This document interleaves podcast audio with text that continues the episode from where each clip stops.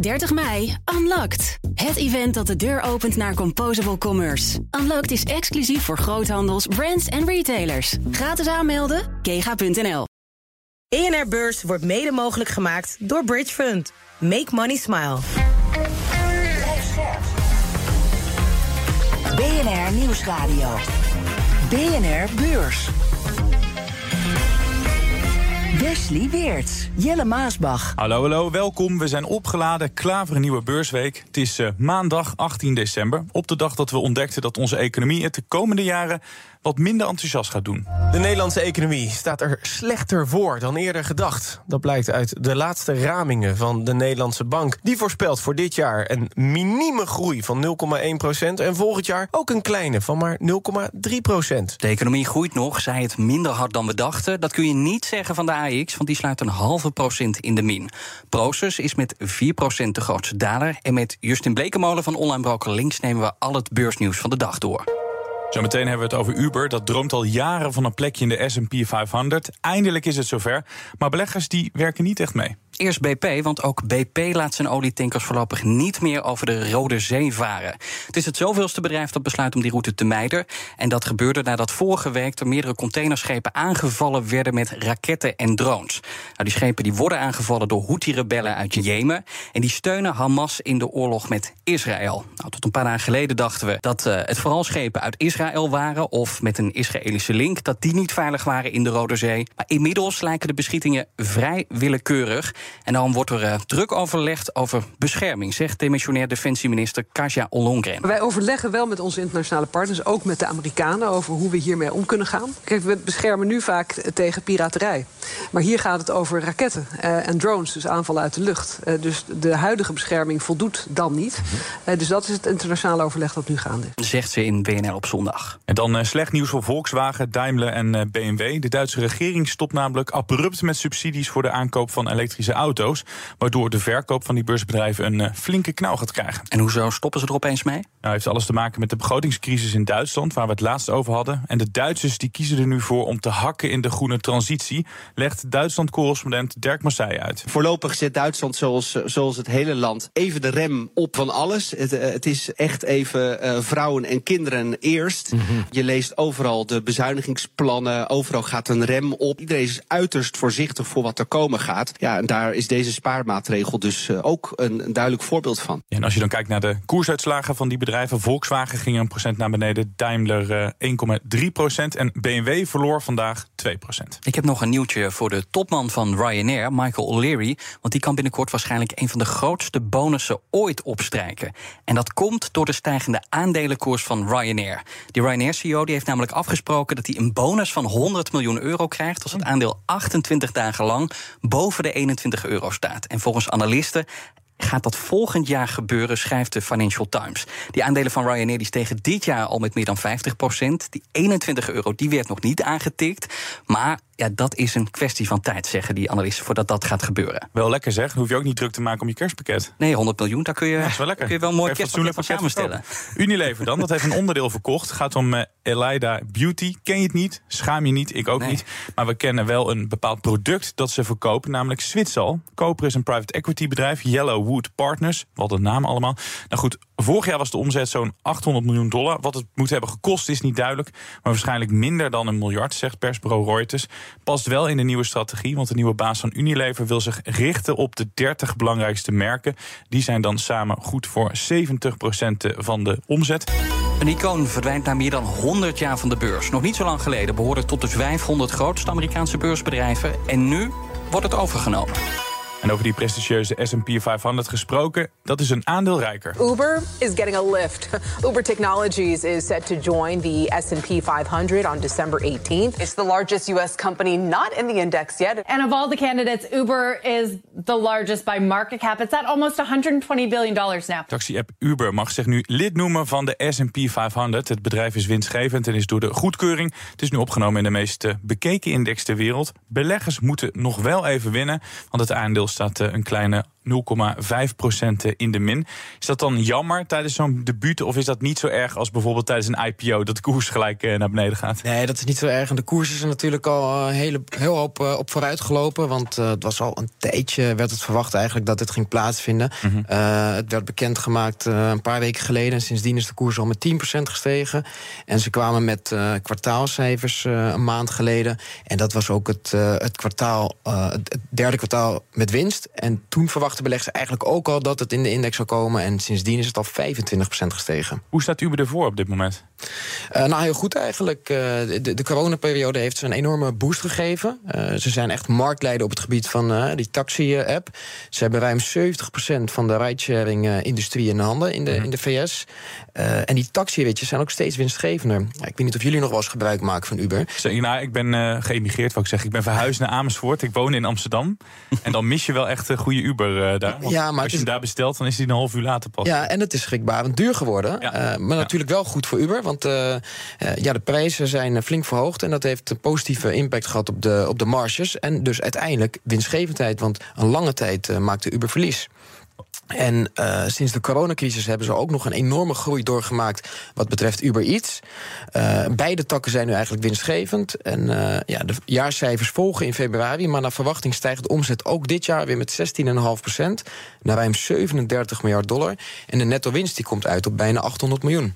Nu behoren ze tot de S&P 500-familie. Wat staat ze te wachten nu ze lid zijn van deze club? Er verandert niet zo heel veel per se voor het, voor het bedrijf. Wel wat meer aanzien. En uh, ja, waarom de koers zo hard gestegen is... heeft natuurlijk te maken met het feit dat heel veel fondsbeheerders... het, uh, het aandeel op moeten nemen... omdat hij bijvoorbeeld uh, in een S&P 500-ETF valt. en, en dat heeft natuurlijk opwaarts druk opgeleverd voor het aandeel. Die S&P 500 die wordt om de vier jaar gewogen. Ja. Denk jij ja, dat... Vier keer per jaar. Ja. Vier keer per jaar? Ja, hij wordt vier keer per jaar herwogen, inderdaad, geherbalanceerd. Ja. En uh, het doel is natuurlijk om zo'n goed mogelijke uh, representatie te geven van de Amerikaanse markt. En daarvoor hebben ze eigenlijk een aantal criteria gesteld. Bijvoorbeeld de, de beurswaarde, de winst en de mm. liquiditeit. zo moet een bedrijf bijvoorbeeld 8,2 miljard dollar waard zijn. Nou, dat voldeed Uber natuurlijk al lange tijd aan. Ze zijn ruim 125 miljard waard. verder moeten de aandelen een hoge verhandelbaarheid hebben en dergelijke. Maar er is ook een criteria wat, wat betreft winst. En ja, dat maakt zo lange tijd uh, niet. Uh, nu wel. Het zijn eigenlijk twee criteria. En je moet uh, het laatste kwartaal moet winstgevend zijn. En je moet in de afgelopen vier kwartalen per saldo winstgevend zijn. En dat is nu ook gelukt. Ik gunde ze dus eigenlijk vier jaar. Maar goed, ze worden dus vier keer per jaar worden ze gewogen. hoe lang denk jij dat ze lid blijven? Nou, die, die blijven hele lange tijd lid, denk ik. Ja? We gaan er niet zomaar meer uit. Uber is zo'n gevestigd bedrijf geworden in de wereld. Erg belangrijk. groeit nog steeds heel hard. Wordt veel gebruikt. Ja, het is volgens mij een van de meest waardevolle uh, techbedrijven ter wereld, uh, afgezien van de Magnificent uh, Seven. Er werd heel heigerig gedaan. Ik zag heel veel analisten en heel veel deskundigen op CNBC van, oh, het is wel echt hoogst haalbare. Dan neem ik aan dat er nog veel meer bedrijven graag naar die S&P 500 willen. Welke andere bedrijven komen nog meer in aanmerking, denk jij? Nee, klopt. Ieder bedrijf zal wel lid willen worden van de S&P 500. Het is natuurlijk de meest ja, prestige-index ter wereld. Iedereen kijkt er eigenlijk naar. Het is de benchmark. Die wordt gebruikt door alle vermogensbeheerders. Uh, nou ja, ik heb even gekeken vandaag welke uh, mogelijk in aanmerking komen voor een plekje. Er zijn al best wel wat wijzigingen uh, dit jaar geweest. Uh, zo kwam ook bijvoorbeeld Blackstone in de S&P 500, een grote vermogensbeheerder. En in navolging van hen komen waarschijnlijk ook later bij de volgende herweging KKR en Apollo Global Management erin. Dat zijn ook beide asset managers. en ja, zijn ook hele grote namen beurswaardes van uh, boven de 70 en 50 miljard dollar. En dat heeft er eigenlijk mee te maken met het feit dat S&P uh, een aantal spelregels heeft gewijzigd eerder dit jaar in april. Uh, ze weigerden namelijk eerst bedrijven met een zogeheten dual-class structuur. Uh, waarbij eigenlijk de, de, ene stem van de ene aandeelhouder zwaarder weegt dan, uh, dan die van de ander. Mm -hmm. ja, en nu, vanaf nu mogen deze bedrijven wel in de SP 500. En ja, hebben we dus gezien dat een aantal van die grote asset managers nu hun entree maken. Maar zo'n KKR en een Apollo, zijn dat dan van die aandelen waar je dan naar kijkt? Of bijvoorbeeld andere die mogelijk naar de SP 500 gaan, omdat je denkt, ja, als die worden opgenomen, dan worden ze meer verhandeld, dan zijn die dus interessanter? Ja, zeker. En dat, dat zie je ook al terug in, uh, in de koers van deze twee. Die zijn ook de afgelopen periode heel hard uh, opgelopen. En dat heeft natuurlijk mee te maken met het feit wat ik net al zei. Hè, als ze dus in zo'n SP 500 komen, ja, dan moeten veel, echt wereldwijd heel veel fondsmanagers deze aandelen opnemen. Ja, profiteren met een uh, promotie. Een Amerikaans icoon komt in Japanse handen. De grootste staalproducent van Japan, Nippon Steel, koopt de nummer 2 van Amerika, US Steel. Nou, de Japanners nemen US Steel over voor ruim 14 miljard dollar. En daarmee verdwijnt US Steel na meer dan 100 jaar van de beurs. En ook komt er na maanden een einde aan de biedingsstrijd rond het Amerikaanse staalbedrijf. En die biedingsstrijd die barstte zo'n beetje vorig jaar zomer los. Concurrenten stonden toen in de rij om US Steel over te nemen. Waarom was er opeens, want het was echt opeens, zoveel interesse in dat bedrijf, Justin? Ja, ik denk dat ze elkaar misschien ook wel een beetje gek hebben gemaakt. Er waren geloof ik wel vijf geïnteresseerden, waaronder ook uh, ArcelorMittal. Klopt. Uh, ja, die interesse die nam ja, toe vanwege een aantal verschillende factoren. Uh, ten eerste is US Steel gewoon een hele belangrijke speler in de, in de staalindustrie. ook een heel erg waardevol bedrijf geweest. Maar de afgelopen jaren is dat, zijn die aandelen toch niet zo populair geweest uh, op de beurs. Dus het, de beurswaarde was aardig geslonken. En dan word je natuurlijk al makkelijk een, uh, een overnameprooi. Mm -hmm. uh, en ja, staal is heel lange tijd natuurlijk niet sexy geweest. Hè. Dat is erg vervuilend. Kijk naar Tata Steel, waar veel... negativiteit om is. Klopt. maar de laatste tijd zien we eigenlijk dat staal heel erg nodig is in de automobielindustrie. Maar ook voor duurzame doeleinden. Ja. Uh, dus ook bijvoorbeeld in uh, elektrische auto's. Windmolens. Moet, moet het staal gebruikt worden. In windmolens. Dus het is echt. Uh, nu is staal weer in trek vanwege de hernieuwbare energieindustrie. Your Steel profiteert daarnaast natuurlijk ook heel erg van die Inflation Reduction Act van Biden. die belastingkredieten en andere stimuleringsmaatregelen biedt voor dit projecten. En ja, als er dan eenmaal één iemand interesse toont in zo'n bedrijf, ja, dan Mhm. willen die andere staalbedrijven natuurlijk ook proberen het bedrijf in te leven. En jij zei al, er waren vier of vijf geïnteresseerden in eh, US Steel. Uiteindelijk gaat Nippon Steel er met de buit vandoor. Wat bieden de Japanners wat de anderen niet boden? Nou, veel meer geld. eh, Is dat het enige? Eh, ja, eigenlijk wel. Want eh ja, US Steel wil natuurlijk de best mogelijke eh, prijs eh, krijgen. Nou ja, ik kan me vorig jaar herinneren dat ook de vakbondsleden nog in opstand kwamen omdat ze een bepaalde overnamekandidaat, die, die zagen ze niet zitten. Zijn dat nog dingen los van de prijs die ook Ja, meespelen bij zo'n oh, overname? Dat, dat speelt natuurlijk wel mee. Er wordt natuurlijk wel gekeken eh, of het ook het beste is voor het personeel. eh, dat er niet te veel banen verloren gaan in de VS en dergelijke. Daar, daar is ook zeker wel naar gekeken. Maar uiteindelijk kwam Nippon Steel ook gewoon met het, eh, het beste bod. Want ze handelden, geloof ik, voordat het allemaal losbarstte, die strijd rond de 20 dollar per aandeel. Ja. Nou, toen heeft een ander bedrijf heeft ook al een, een bod gedaan van 30 of 35 dollar per aandeel. Maar Nippon Steel ja, die, biedt 55 dollar per aandeel. Dus dat is ook een, een stuk meer. En een behoorlijke premie op eh, de slotstand van afgelopen vrijdag, geloof ik. Ja, volgens mij wat staat het vandaag ook weer eh, 20% hoger. Ja. En dan staat het nog niet eens op die 55 dollar, want het staat geloof ik rond de 50 à 51. Dus ja, ook nog wat eh, potentie. Ja, wat krijgt Nippon Steel behalve een heel oud bedrijf nou echt in handen? Ja, nou echt gewoon wel echt een gevestigde naam in de, in, in de staalindustrie. En eh, eh, een, een bedrijf dat echt de afgelopen jaren een cruciale rol heeft eh, weten te spelen in die automobielindustrie. Ze hebben echt ja, nauwe banden en contracten met, met eigenlijk ook de hernieuwbare energieindustrie. Andere aandelen schoten ook omhoog. Andere staalaandelen, ArcelorMittal, jij noemde die naam net al, meer dan 5% erbij. Hoe, hoe komt dat dat de rest ook mee profiteert? Ja, omdat je toch hebt gezien dat al die, die staalbedrijven, dat zei ik net ook al even, die, die hebben enorm lage waarderingen gekend eigenlijk. En, en nu begint staal weer een beetje in de gratie eh, te raken. Maar juist vandaag zie je die aandelen omhoog gaan. Is dat dan de hoop dat ook die bedrijven worden overgenomen? Nou, dat, dat zou kunnen, maar eh, ja, wellicht ook eh, zijn bepaalde beleggers juist blij voor een ArcelorMittal dat ze niet uh, dit bedrijf uh, gaan overnemen. Want ja, dan ben je natuurlijk ook bang dat een bedrijf te veel geld betaalt voor zo'n overname. Dus Ja. het kan ook uh, opluchting zijn van beleggers. Ja, die, die staalbedrijven zijn wel duurder geworden afgelopen jaar, maar verhoudingsgewijs nog best wel goedkoop. Is het, is het daarmee ook een voor, voor eh, iedereen die nu luistert en denkt, nou, misschien is zo'n staalbedrijf wel een interessante belegging? Hoe, hoe sta jij daarin? Is het een interessante belegging? Nou ja, US Steel handelde echt in vorig jaar nog volgens mij op drie keer de winst. Nou zijn ze overgenomen zo, voor zo'n 14 miljard uh, dollar. Ze maken ongeveer 1 miljard dollar winst dit jaar. Dus dan zijn ze overgenomen voor zo'n 14 keer de winst. Dat is natuurlijk veel lager dan het gemiddelde van de S&P 500. En ook als je kijkt naar die andere staalbedrijven... ja, die handelen meestal op uh, lagere waarderingen. Dus ja, je ziet echt wel dat er wat uh, weer interesse komt van beleggers... bij dit soort aandelen. En ja, dat kan ik begrijpen. Nu US Steel van de beurs verdwijnt, komt ook de beursticker X vrij. Onder die letternaam wordt het bedrijf op de beurs verhandeld. Denk je dat Elon Musk uh, interesse heeft? Nou ja, Musk staat er natuurlijk wel bekend omdat hij uh, erg veel interesse heeft in de letter X. Hè? Ja. Uh, het ruimtevaartbedrijf SpaceX bevat natuurlijk de naam X. Hij heeft Twitter omgetoverd in X. Dus ja, hij ziet wel wat in die letter. En, maar goed, X, hè, of het voormalige Twitter, is nu niet meer beursgenoteerd. Maar hij heeft wel ooit gezegd dat hij plan heeft om het bedrijf binnen een paar jaar weer naar de beurs te brengen. En het lijkt me dan uh, niet meer dan logisch dat hij uh, deze tikken wel in handen wil krijgen. En uh, ja, daar zou, hij vast wel diep voor in de buidel willen tasten. Denk je echt dat ze in de rij staan als X naar de beurs gaat? wie? beleggers? Beleggers voor X? Nou, dat, dat, dat, dat weet ik niet hoor. Want volgens mij zijn de adverteerders massaal weggelopen bij X. En hij moet eerst uh, een grote schoonmaak houden. Heb ik het over Elon Musk. Brussel neemt uh, namelijk juridische stappen tegen het bedrijf. Werd vandaag bekend. Volgens Brussel wordt er te weinig gedaan tegen de verspreiding van nepnieuws en haat. En X is het eerste techbedrijf dat wordt aangepakt met de nieuwe Europese techwet. Met die wet kan de EU ingrijpen als grote techbedrijven zich misdragen. Als inderdaad blijkt dat X de regels heeft overtreden, dan kan dat serieuze gevolgen hebben voor Musk en zijn bedrijf. Er kunnen namelijk hoge boetes worden opgelegd. Die kunnen oplopen tot 6% van de wereldwijde de jaaromzet. Dan is het misschien dan wel lekker dat die omzet heel erg naar beneden kukelt. Uh, dat die adverteerders weglopen. is die boet, boet ook niet zo. BNR Beurs.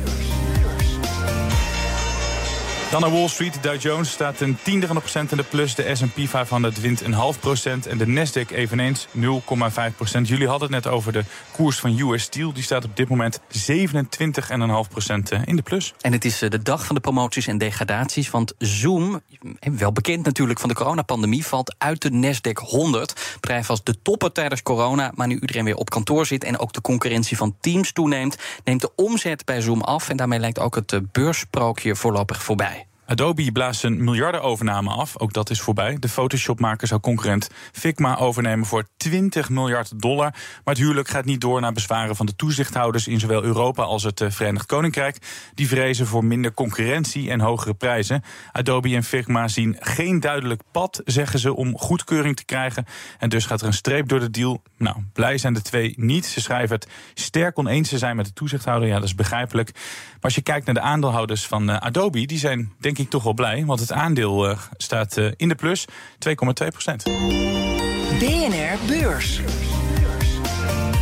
Niet elk jaar kan een topjaar zijn. Zeg dat maar tegen de aandelen die we deze week bespreken. De vijf bedrijven die op de middelbare school achter in de klas zaten. We hebben het over de slechts presterende aandelen van 2023. En er is er één ja, die juist een hele mooie periode achter de rug had. Moderna. Tijdens die pandemie waren die vaccins natuurlijk niet aan te slepen. Na de pandemie vond niemand het meer interessant. Is dit nou ook zo'n aandeel uit het oog, uit het hart, Justin? Nou, een beetje wel hetzelfde aandeel als uh, Zoom, inderdaad. Uh, heel populair tijdens de coronaperiode. Mm Toen hebben ze echt kunnen profiteren, maar uh, ja, daar is nu vrij weinig van over.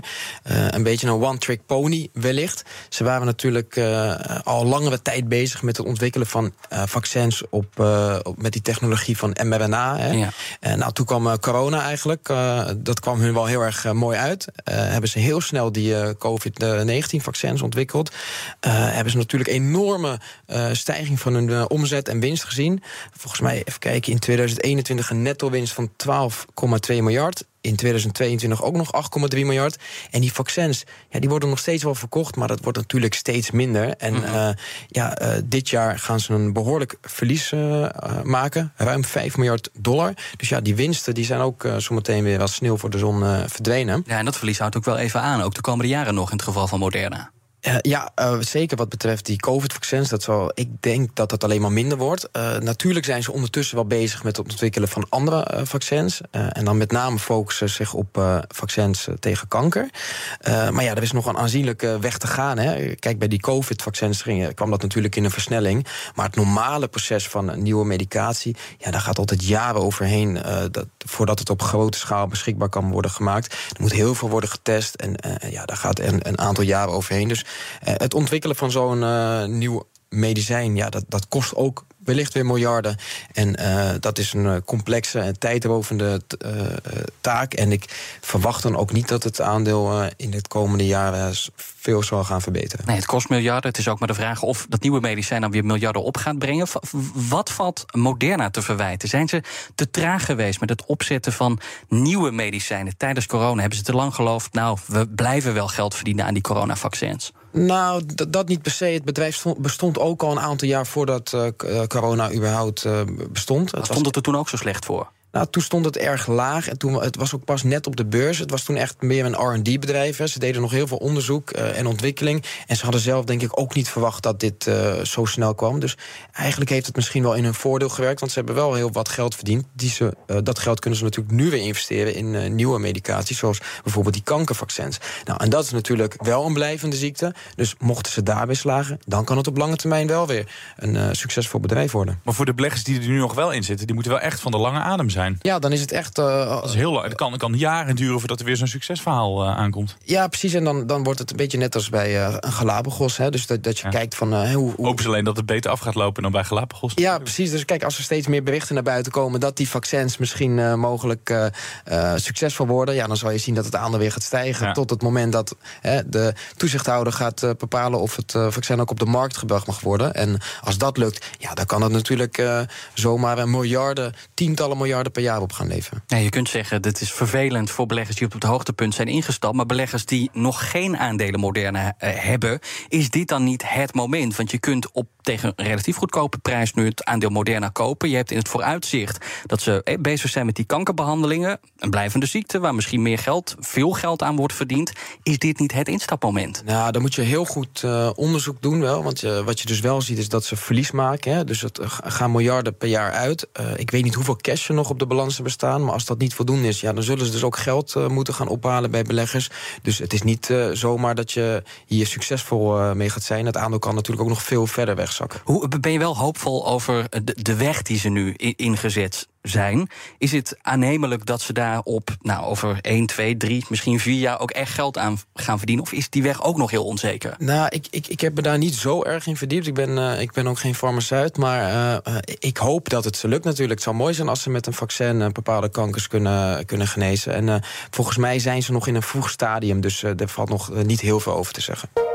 Nog maar vier keer BNR Beurs luisteren tot het kerst is, jawel. Ook bij Eurostad vliegt de tijd voorbij. Dus is het alweer tijd voor een goed gesprek over de prijsstijgingen. Collega Maxime van Meel praat je bij. Eurostat komt alweer met een nieuw verslag van de inflatie. Ditmaal gaat het om hoeveel duurder het leven in heel Europa werd in de maand november. En verder kijken we nog naar Duitsland, met name naar de export. De stemming was daar het afgelopen jaar somber. En door de recessie en de kwakkelende economie werd er ook minder geëxporteerd. Onderzoeksinstituut IFO laat weten wat er voor de rest van de maand te verwachten valt. Dit was de eerste handelsdag en de eerste BNR-beurs van de week... waarin het ging over een oud bedrijf dat de beurs verlaat, US Steel... en over een promotie van een jong, hip bedrijf, Uber. De nieuwe standplaats is de S&P 500. En een beursbedrijf dat niet groter wordt, dat is uh, Adobe... want die overname van Figma is van de baan. Dankjewel, Justin Blekenmode van Online Broker Links. We gaan elkaar dus niet meer zien. Hè? Tot aan de kerst. Heb je nog leuke plannen die je wilt delen met de luisteraar? Of zeg je dat is geheim? Nou, met de kerst ga je natuurlijk langs uh, bij de schoonouders. Dat is altijd uh, leuk. Ja, zeker. Ja, ze luisteren, uh, dan moet je het wel zeggen natuurlijk. Klopt. Dankjewel dat je er was. En wij zijn er morgen weer. Tot morgen. Tot morgen. BNR Beurs wordt mede mogelijk gemaakt door Bridge Fund. Make money smile. 30 mei, Unlocked. Het event dat de deur opent naar Composable Commerce. Unlocked is exclusief voor groothandels, brands en retailers. Gratis aanmelden, kega.nl.